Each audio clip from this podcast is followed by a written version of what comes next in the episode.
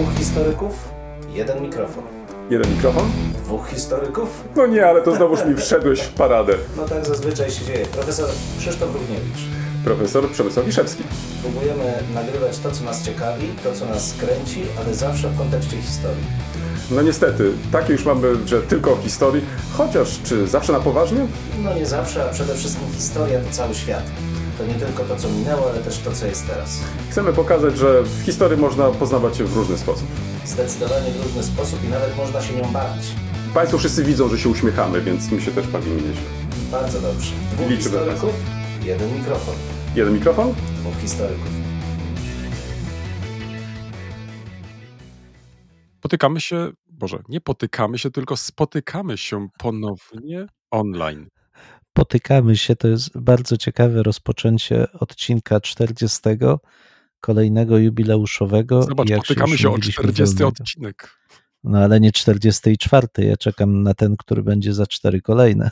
Ach, ale to co, szykujemy coś specjalnego? No nie wiem, no chyba coś trzeba wymyśleć, żeby sprostać wieszczowi, bo to tak nie, nie uchodzi po prostu. Ach, teraz już wiem, sprawdzasz mnie, czy jeszcze pamiętam coś e, ze szkoły. Nie, zaraz, to, to, to była podstawowa już, czy, czy dopiero liceum? Nie, czy, no już nie pamiętam. No, w każdym razie, pa, tak kojarzę, słuchaj, kojarzę, bo w, w, podczas naszej ostatniej rozmowy faktycznie dałem plamę. Jaką plamę? Ja nic nie pamiętam.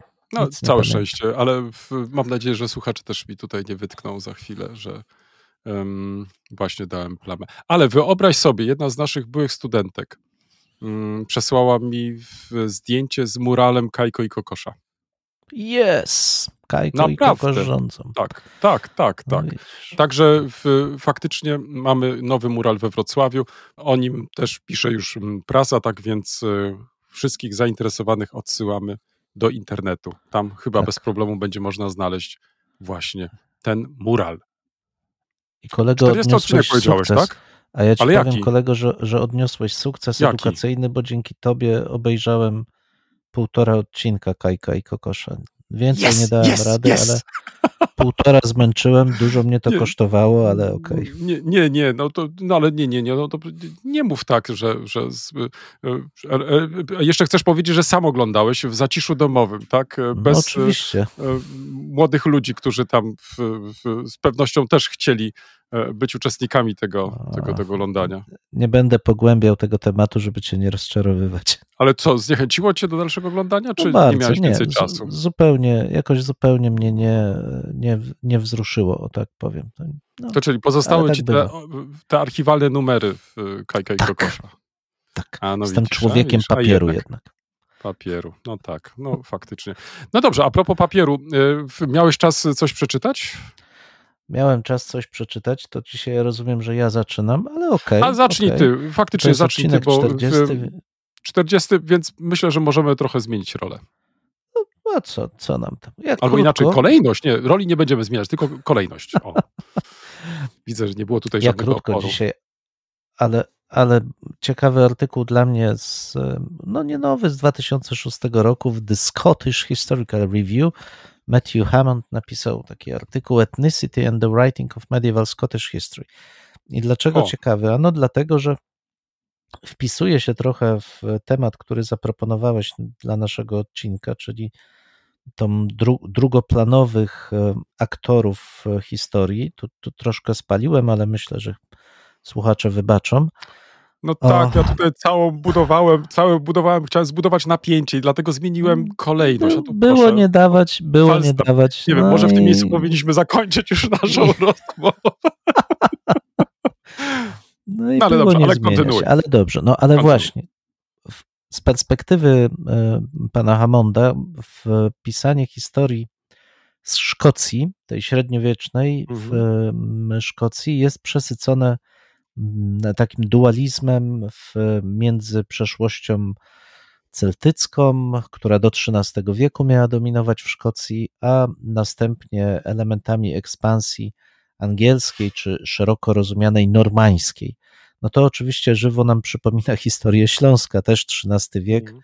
Mamy tą przeszłość słowiańską czy też polską i potem mamy ekspansję kulturową niemiecką, kultury niemieckiej, wzorców społecznych itd., itd. Tu paraleli nie chcę absolutnie wpisywać, ale zwraca on uwagę na to, że takie spojrzenie na historię Szkocji jest wynikiem zaadoptowania i wpływów jednocześnie sposobu myślenia ukształtowanego u schyłku XVIII i w ciągu długiego wieku XIX, gdzie szukano podstaw do narodowej wizji historii Szkocji.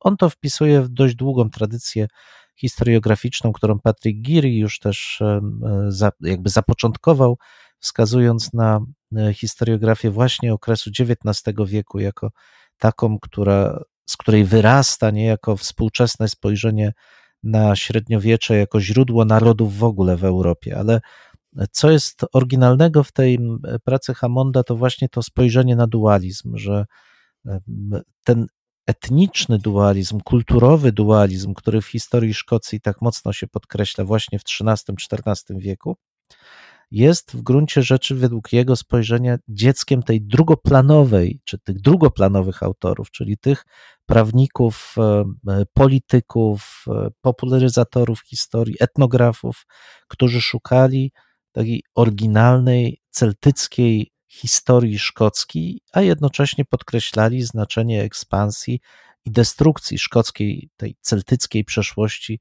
przez wpływy e, angielskie, czy szerzej anglosaskie i normańskie.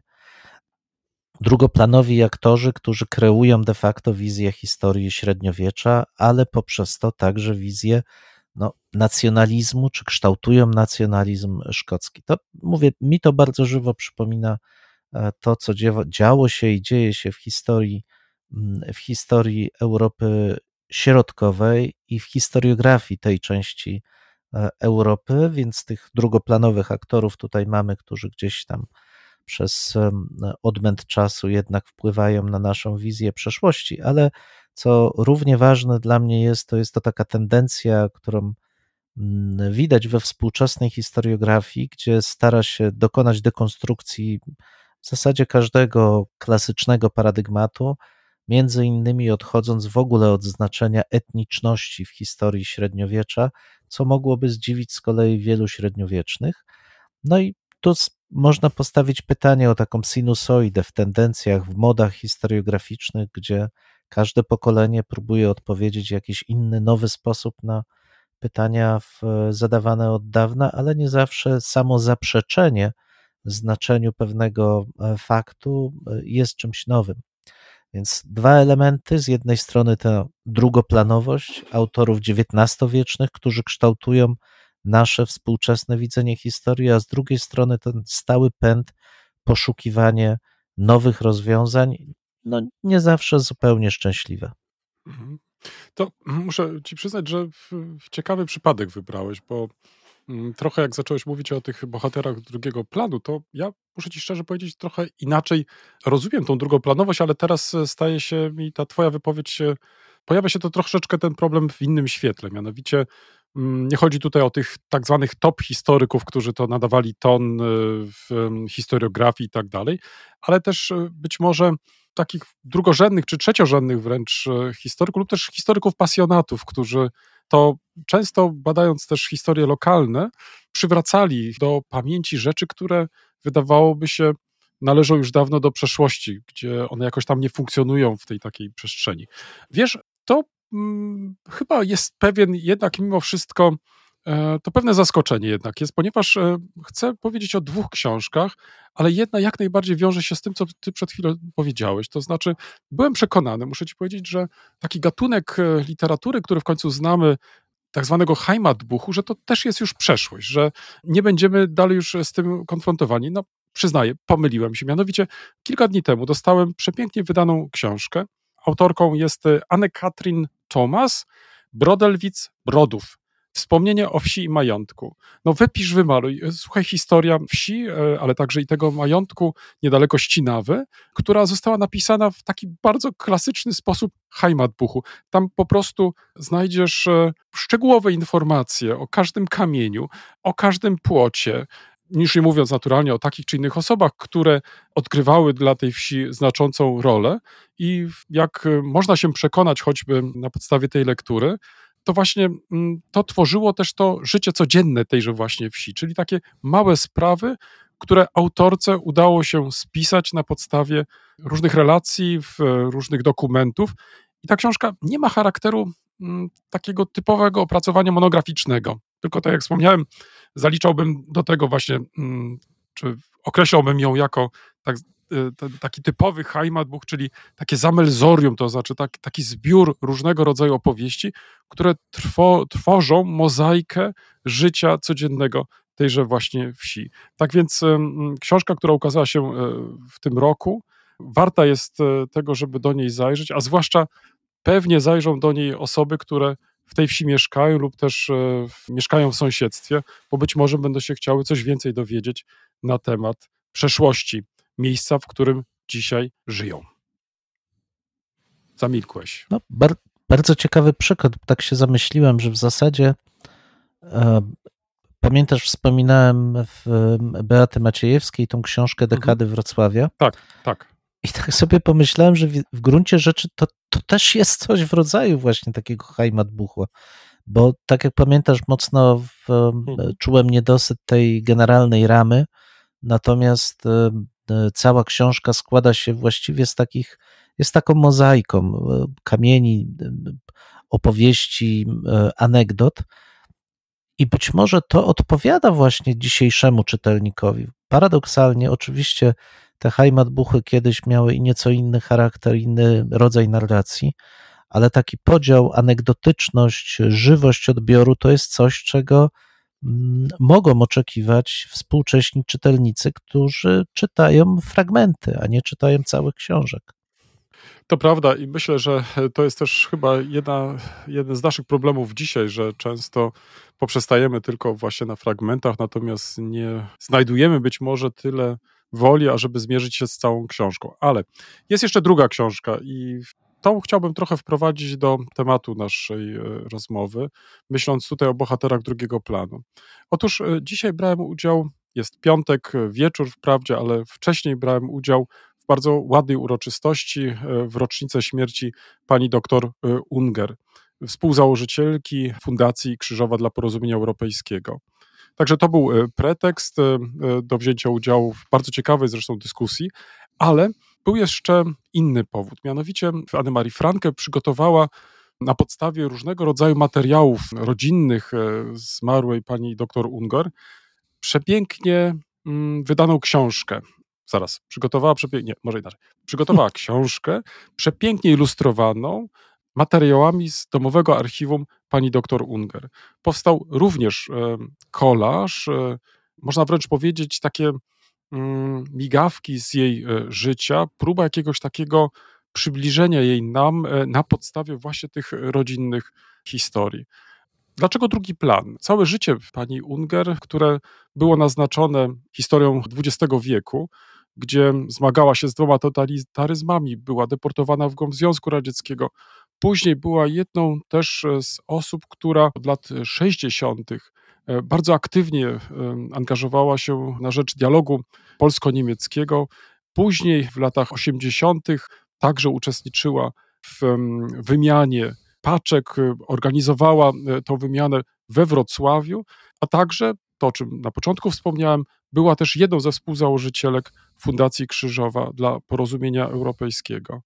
I teraz, kiedy przyglądasz się tej wielkiej historii relacji polsko-niemieckich, to e, zwracasz uwagę na wprawdzie pojedyncze postacie, ale e, one się cały czas nam jakoś przewijają. E, nazwiska nie muszę tutaj przypominać, bo one są na tyle znane i funkcjonują w obiegu społecznym, że no praktycznie to one, przynajmniej naszym zdaniem, wyznaczają jakiś taki bieg historii, także tych relacji i tak dalej, i tak dalej. Natomiast często, i takie jest e, moje też wrażenie, zapominamy właśnie o tych osobach, może nie wiem, czy to jest dobre określenie drugiego planu, które faktycznie odgrywały również znaczącą rolę, ale jakoś nie przebiły się dotąd e, w, w tej świadomości historycznej, jakoś nie zafunkcjonowały w tych wielkich historiach, chociaż e, nawet przeglądając pobieżnie tą książkę, wczytując się w taki czy inny fragment, muszę ci powiedzieć, że z mojej perspektywy odegrała ona znaczącą rolę. Wielokrotnie była tą moderatorką między Polakami a Niemcami, chociażby poprzez to, że znała świetnie kilka języków, między innymi język niemiecki, co nie było takie oczywiste. Poza tym nie było też takie oczywiste w powojennym Wrocławiu, żeby wykorzystywać ten język, szukając tego takiego pomostu między Polakami a Niemcami dla spotkań polsko-niemieckich. Także przeglądając tą publikację, ona się wkrótce ukaże drukiem. Zresztą y, tu może warto dodać, że ukaże się w ramach y, publikacji znanego nam Centrum Historii Zajezdnia. Tak więc y, myślę, że każdy z Wrocławian będzie mógł sięgnąć sobie po tą pracę, ale chcę tym samym, wspominając tą pracę, wskazać, że być może faktycznie jako historycy, ty wspomniałeś tutaj o tym przypadku szkockim, ale może zbyt mało zwracamy uwagę właśnie na pokazanie złożoności tych relacji poprzez historię tych osób, które dotąd jakoś były gdzieś w cieniu, które jakoś nie zostały przez nas e, odpowiednio odkryte. E, ich e, działania, działalność, ale nawet fakt, że może uczestniczyły w jakichś takich niepozornych działaniach, że nie potrafimy jakoś ich docenić, ich w jakiś sposób wypuklić. Oczywiście ja się bardzo cieszę, że taka e, praca, taka książka w rocznicę śmierci pani doktor Unger ukaże się i że e, każdy z nas będzie mógł e, sobie teraz do tej pracy sięgnąć.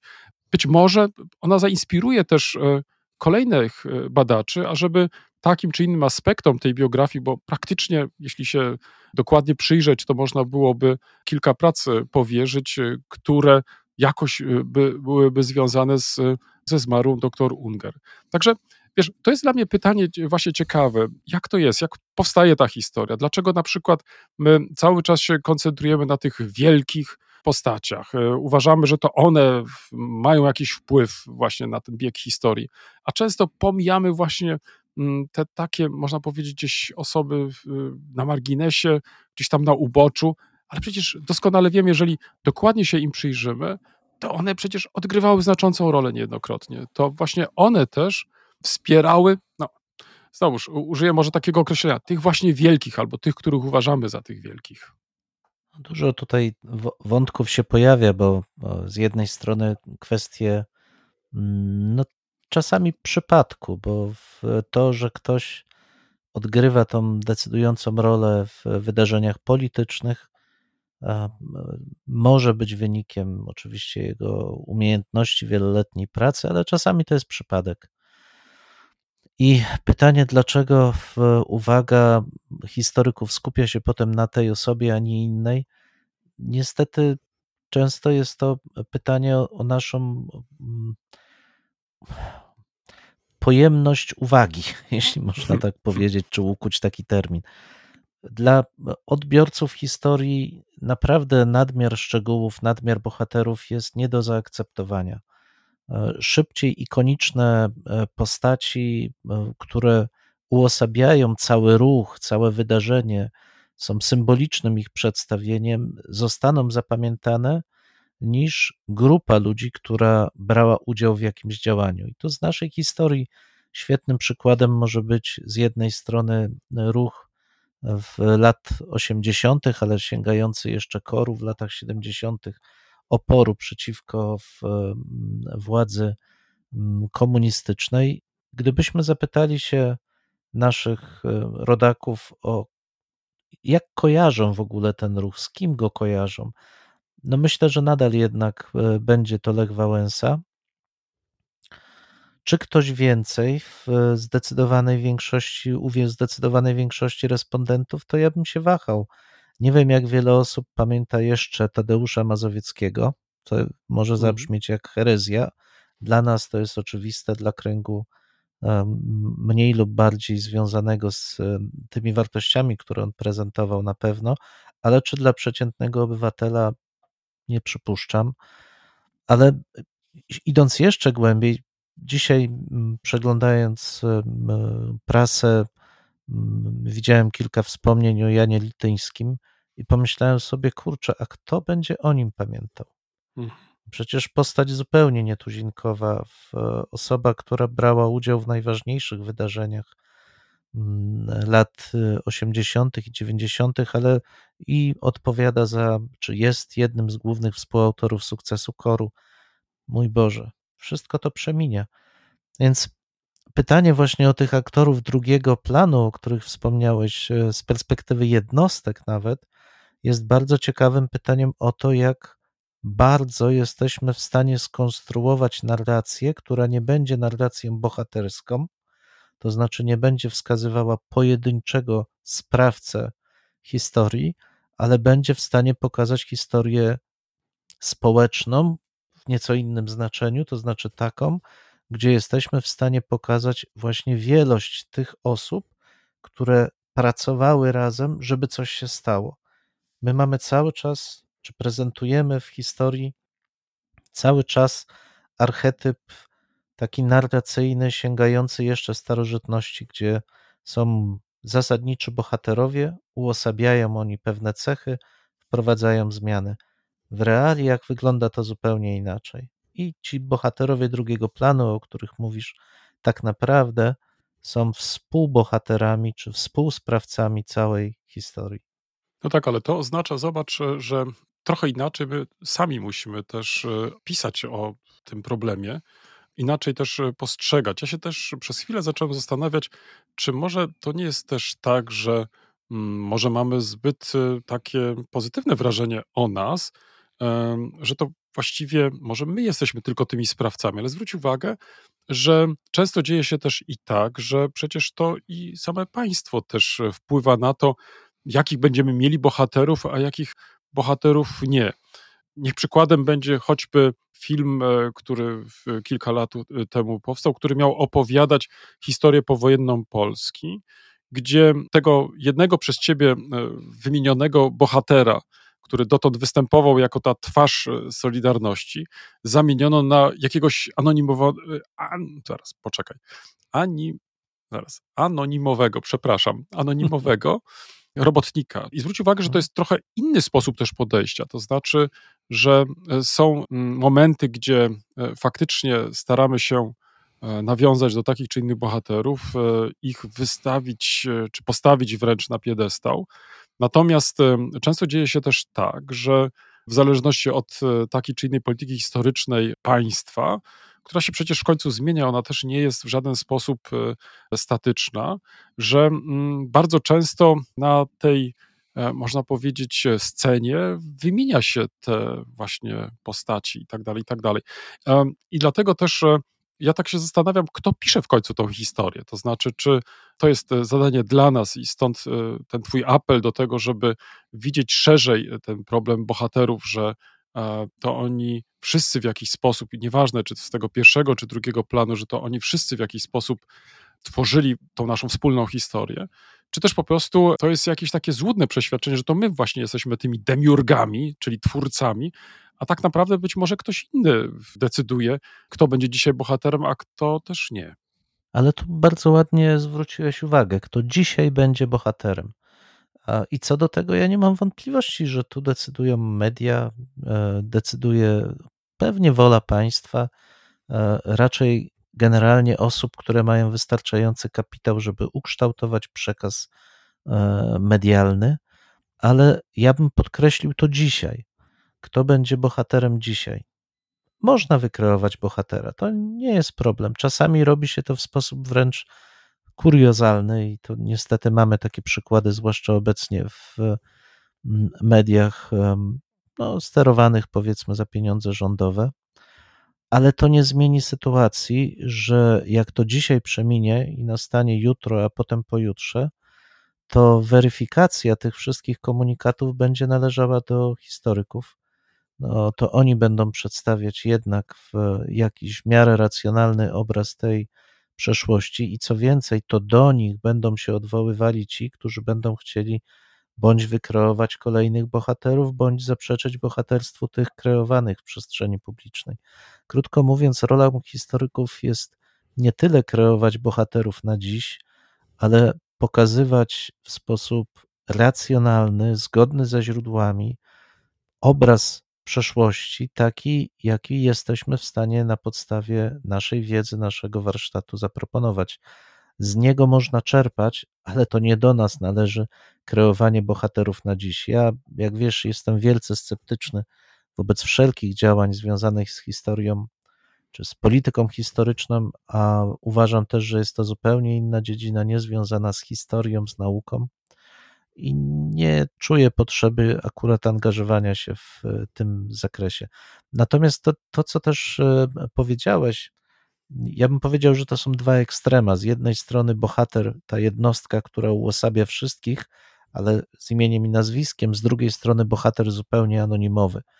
Natomiast ja bym raczej widział rzecz inaczej, że to, co powinniśmy robić jako historycy, to pokazywać właśnie wielowymiarowość historii. To znaczy, że nie jest ona w żadnym wypadku stwarzana przez jednostkę, jedną jednostkę, nawet najbardziej wybitną, bo stoją za nią grupy ludzkie, stoją za nią też okoliczności, czasami przypadek, ale stoją za nim właśnie też ci wszyscy, którzy z nią współpracują. Ale z drugiej strony jestem też głęboko przeciwny takiemu mm, odpersonalizowanemu pisaniu historii, gdzie decydującą rolę odgrywają konflikty ekonomiczne, interesy polityczne, anonimowe i masowe, bo one fałszują rzeczywistość. One odbierają podmiotowość człowiekowi, a nie widzę w historii takiej sytuacji, która by to uzasadniała. No i na koniec, na koniec tej wypowiedzi oczywiście, mamy w tej hmm, chwili. Zakładamy. Myślę, za, tak. O, w, myślę, że możemy obserwować popularność, rosnącą popularność prądu rozumianego chyba początkowo jako kontrkulturowy i lewicowy w historiografii, a coraz bardziej popularny, to znaczy tak zwana historia ludowa, którą się hmm. w, na różny sposób rozumie, ale generalnie jako historię mm, grup społecznych, warstw czy też klas, w zależności od twórcy, które były wykluczone i zdaniem autorów e, nie dość właściwie wskazywano ich rolę w historii. I to jest jakby zrozumiałe. o tych ludziach marginesu, czy e, nie? W tej chwili, jakbyś zerknął, to mhm. całkiem popularną rolę odgrywają właśnie w takie e, publikacje z podznaku tej historii ludowej. Do tego należy zarówno historia kobiet, ale właśnie taka lewic, z punktu widzenia, no, powiedzmy, lewicowego pisana, ale też historia tej grupy czy tej warstwy społecznej, którą rzeczywiście często się pomija, to znaczy chłopstwa. Chłopstwa, drobnego mieszczaństwa, tych wszystkich, których w ramach tego nurtu uważa się już nie tylko za drugoplanowych bohaterów, ale za w zasadzie właściwych bohaterów historii, bo to oni odpowiadają za budowanie podstaw ekonomicznych i kulturowych całej społeczności, a elity to tylko drobna grupa, która no, w jakiś sposób, no nie powiem, że pasożytuje, ale w jakiś sposób jest wtórna wobec tej masy, rzeszy ludzi, którzy e, odpowiadają za e, kształt kultury i gospodarki. To oczywiście przypomina boleśnie taki miejscami dość prymitywny marksizm dla mnie, ale jest zrozumiałe, bo w ten sposób rodziła się tak zwana social history. E, to, to właśnie z tego poczucia, jeszcze w latach 60. i 70. w anglosaskich krajach, braku odpowiedniej liczby publikacji i rozeznania w historii właśnie tych warstw drugiego planu, rodziło się nowe spojrzenie na historię jako wielowymiarowy, obraz, e, proces, w którym wiele czynników, wiele grup społecznych bierze udział. Więc patrzę na ten nurt życzliwie, ale jednocześnie boję się, żeby historiografia nie została z, e, znowu podzielona na dwa obszary, gdzie z jednej strony będziesz miał klasyczną, tradycyjną,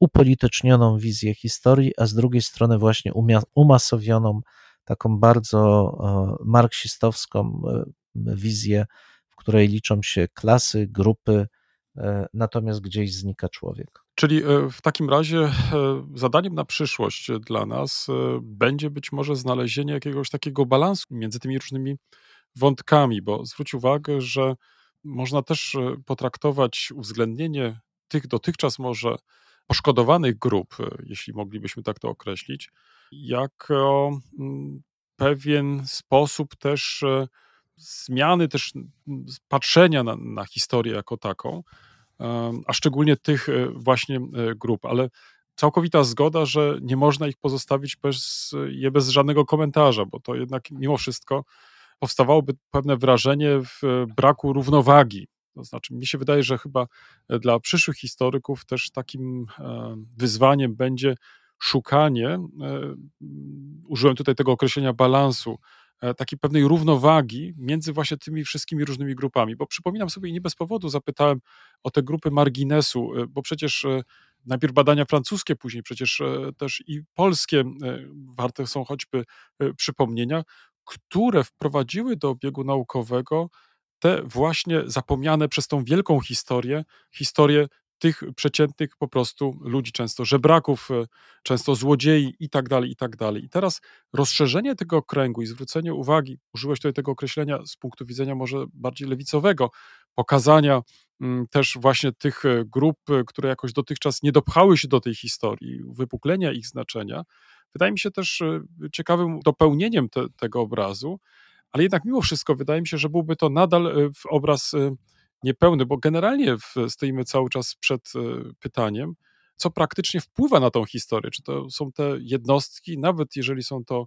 jednostki drugiego planu, czy to są jednak jakieś wielkie procesy. Ty na początku naszej rozmowy na przykład jeszcze użyłeś określenia przypadek, że często historią rządzi też przypadek i to, czy jakaś osoba zapisze się w tym kontekście w historii, no to właśnie nie zależy często od tej osoby, tylko właśnie od tego wspomnianego przypadku. Tak więc mamy tutaj szereg różnych dylematów, przed e, którymi stoimy i no i teraz jak znaleźć tutaj ten złoty środek? Czy w ogóle musimy szukać tego złotego środka? Wiesz, w części za to odpowiedzialne są pewne mody narracyjne, nad którymi my nie panujemy, które są gdzieś obecne w kontekście kulturowym i które nas kształtują. Mm, ale ja cały czas uważam, że to, co jest zadaniem historyka, przede wszystkim to, to jednak bycie jak najbliżej kontekstu e, źródłowego, i tam tak naprawdę, jeśli jesteśmy wystarczająco czujni i gotowi na spojrzenie z różnych stron, e, mhm. kryje się odpowiedź. Niektóre wydarzenia są rzeczywiście zależne bardzo mocno od jednostek ale niektórych e, nie da się zrealizować, czy nie powstałyby, gdyby nie szerszy kontekst społeczny. Wreszcie będą takie, które będą się rządzić czystym przypadkiem. E, ja uważam, że nie można deterministycznie patrzeć w ogóle na mhm. historię. Ona jest tak zróżnicowana, tak piękna w tym zróżnicowaniu, że od historyka wymagałbym przede wszystkim uważności. Natomiast jeśli chodzi o czytelników, wiesz, ja zajmując się historią i regionalną, i historią społeczną e, jednego narodu i, i Europy Środkowej w ogóle, w, czy, czy sięgając też po te szersze obszary europejskie, a mając ogromną chęć także zajrzeć w inne kultury, zdaję sobie sprawę, że czytelnicy najczęściej oczekują czegoś szerszego, czegoś, z czym mogą się identyfikować. I jeśli w danym momencie jest taka potrzeba, że chcą się identyfikować z bohaterami, będą chcieli takiej historiografii, która identyfikuje, pokazuje i wskazuje, którzy bohaterowie jakie wartości będą e, uosabiać. Generalnie czytelnik chce szerszej wizji, szerszego spojrzenia, czegoś, z czym będzie mógł odczuwać wspólnotę. Stąd wszystkie historiografie lokalne, regionalne, czy te dla ludzi drugiego planu, o których wspomniałaś, przeznaczone, będą spotykały się z mniejszym zrozumieniem w perspektywie dłuższego czasu niż te, które pokazują postaci pierwszoplanowe, zjawiska o dużym zakresie, bo z nimi będzie mogła większa grupa osób się z, zidentyfikować. I nie, wiesz, nawet nie widzę potrzeby, czy nie czuję takiej potrzeby, żeby tutaj wprowadzać daleko idące zmiany. Uważność ze strony historyka, moim zdaniem, jest wystarczającym narzędziem, które pozwoli zaprezentować dużo bardziej zróżnicowaną wizję niż tą, którą przedstawiałem redaktorzy. No to całkowita zgoda, ale popatrz e, jeszcze i może na taki wątek, e, bo to, co my określamy dzisiaj e, postaciami drugiego planu, na przykład z punktu widzenia metahistorii, to wcale nie oznacza, że z punktu widzenia na przykład takiej historii lokalnej, to e, nie mogą być osoby pierwszego planu, to znaczy takie, o których e, mówi się jeszcze, o których się pamięta, albo też o takich, o których się bada lub też przywraca, bo na przykład w takim kontekście też widzę publikowanie na przykład tych tak zwanych Heimatbuchów, chociaż oczywiście możemy tutaj e, spierać się co do ich wartości merytorycznej. Nie mówię tutaj o wszystkich, ale są też takie i takie ale jednak mimo wszystko one przybliżając y, te postaci, y, mm, główne dla danego regionu, no, mm, jednak e, powodują, że też następuje pewne jakieś takie, no, trochę zachwianie. To znaczy, z jednej strony mamy tą wielką narrację, ale też mamy tą narrację taką mikro i e, frapujące też jest przecież dla historyka badanie także i tej mikro, po to tylko, żeby pokazać właśnie chociażby poprzez tą dbałość o szczegóły, jak e, mogło takie życie w danym regionie wyglądać. Więc ja myślę, że chyba nie tak jak może wcześniej e, tutaj postulowałem, żeby to jakieś, jakieś szukanie balansu, jakieś znalezienie jakiegoś takiego złotego środka, tylko pokazanie specyfiki w zależności od e, typu narracji, który uprawiamy, właśnie czy makro, czy mikro. Absolutna zgoda. Ja tu w, w pełni popieram wszystkie działania, które są związane właśnie z historiami lokalnymi, bo one pozwalają ludziom czuć się bardziej u siebie, to znaczy pozwalają im zidentyfikować z ten krajobrazem, ze związek swoją jest jak najbardziej wspólnotą. tak. Mhm, mhm. Tak, jak najbardziej. I tutaj te postaci, które z punktu widzenia historii, czy to narodowej, czy czasami nawet regionalnej, nie odgrywają żadnego większego znaczenia, ujmując to w cudzysłów, są kluczowe. To burmistrzowie małych miejscowości, czasami sołtysi, czasami nauczyciele, którzy potrafili przypomnieć, stworzyć, wykreować wizję przeszłości danej miejscowości, czasami lokalny rzeźbiarz, który był w stanie e, stworzyć jakieś e, dzieło sztuki e, na swoją miarę, które ogniskowało wyobraźnię danej wspólnoty, to są bohaterowie pierwszego planu tej wspólnoty i ta wspólnota powinna o nich dbać. Czyli to jest y, tak naprawdę chyba i tutaj się zgodzimy, że to jest kwestia definicji, to znaczy kogo definiuje jako bohatera drugiego planu. I też chyba rzeczą ważną jest też, kto definiuje, to znaczy, czy to są właśnie ci, tak jak my na przykład historycy, którzy piszą na ten temat, czy też e, być może mm, społeczności lokalne, społeczności narodowe. Ach, pewnie tu możliwości jak zwykle jest bardzo dużo. Ale to znowu jest ta dynamika, widzisz, to jest to, co Mhm. mnie fascynuje w historii, że nie ma jednej historii, nie ma jednego Tak. poziomu historii, że te historie przeplatają się nawzajem, zachodzą na siebie. No, tam jest masa klejnotów, błysków, kolorów, ale zawsze trzeba zdawać sobie sprawę, że nie ma takiego jakiegoś jednego e, wzoru, według którego piszemy historię dla wszystkich. Ta historia jest przeznaczona dla konkretnego odbiorcy. On żywi się tą historią, on czegoś od tej historii oczekuje i warto to uszanować. A z kolei my, pisząc nasze profesjonalne analizy, też musimy zdawać sobie sprawę, że ta wielowymiarowość historii powoduje, że od historii lokalnych zaczynając, dopiero możemy zobaczyć, jak wygląda historia ta wyższego rzędu. Natomiast stosowanie jednolitych form, wzorców, tych narodowych do historii regionalnych i lokalnych wypacza je, spłaszcza i czyni je no, nieczytelnymi dla odbiorcy.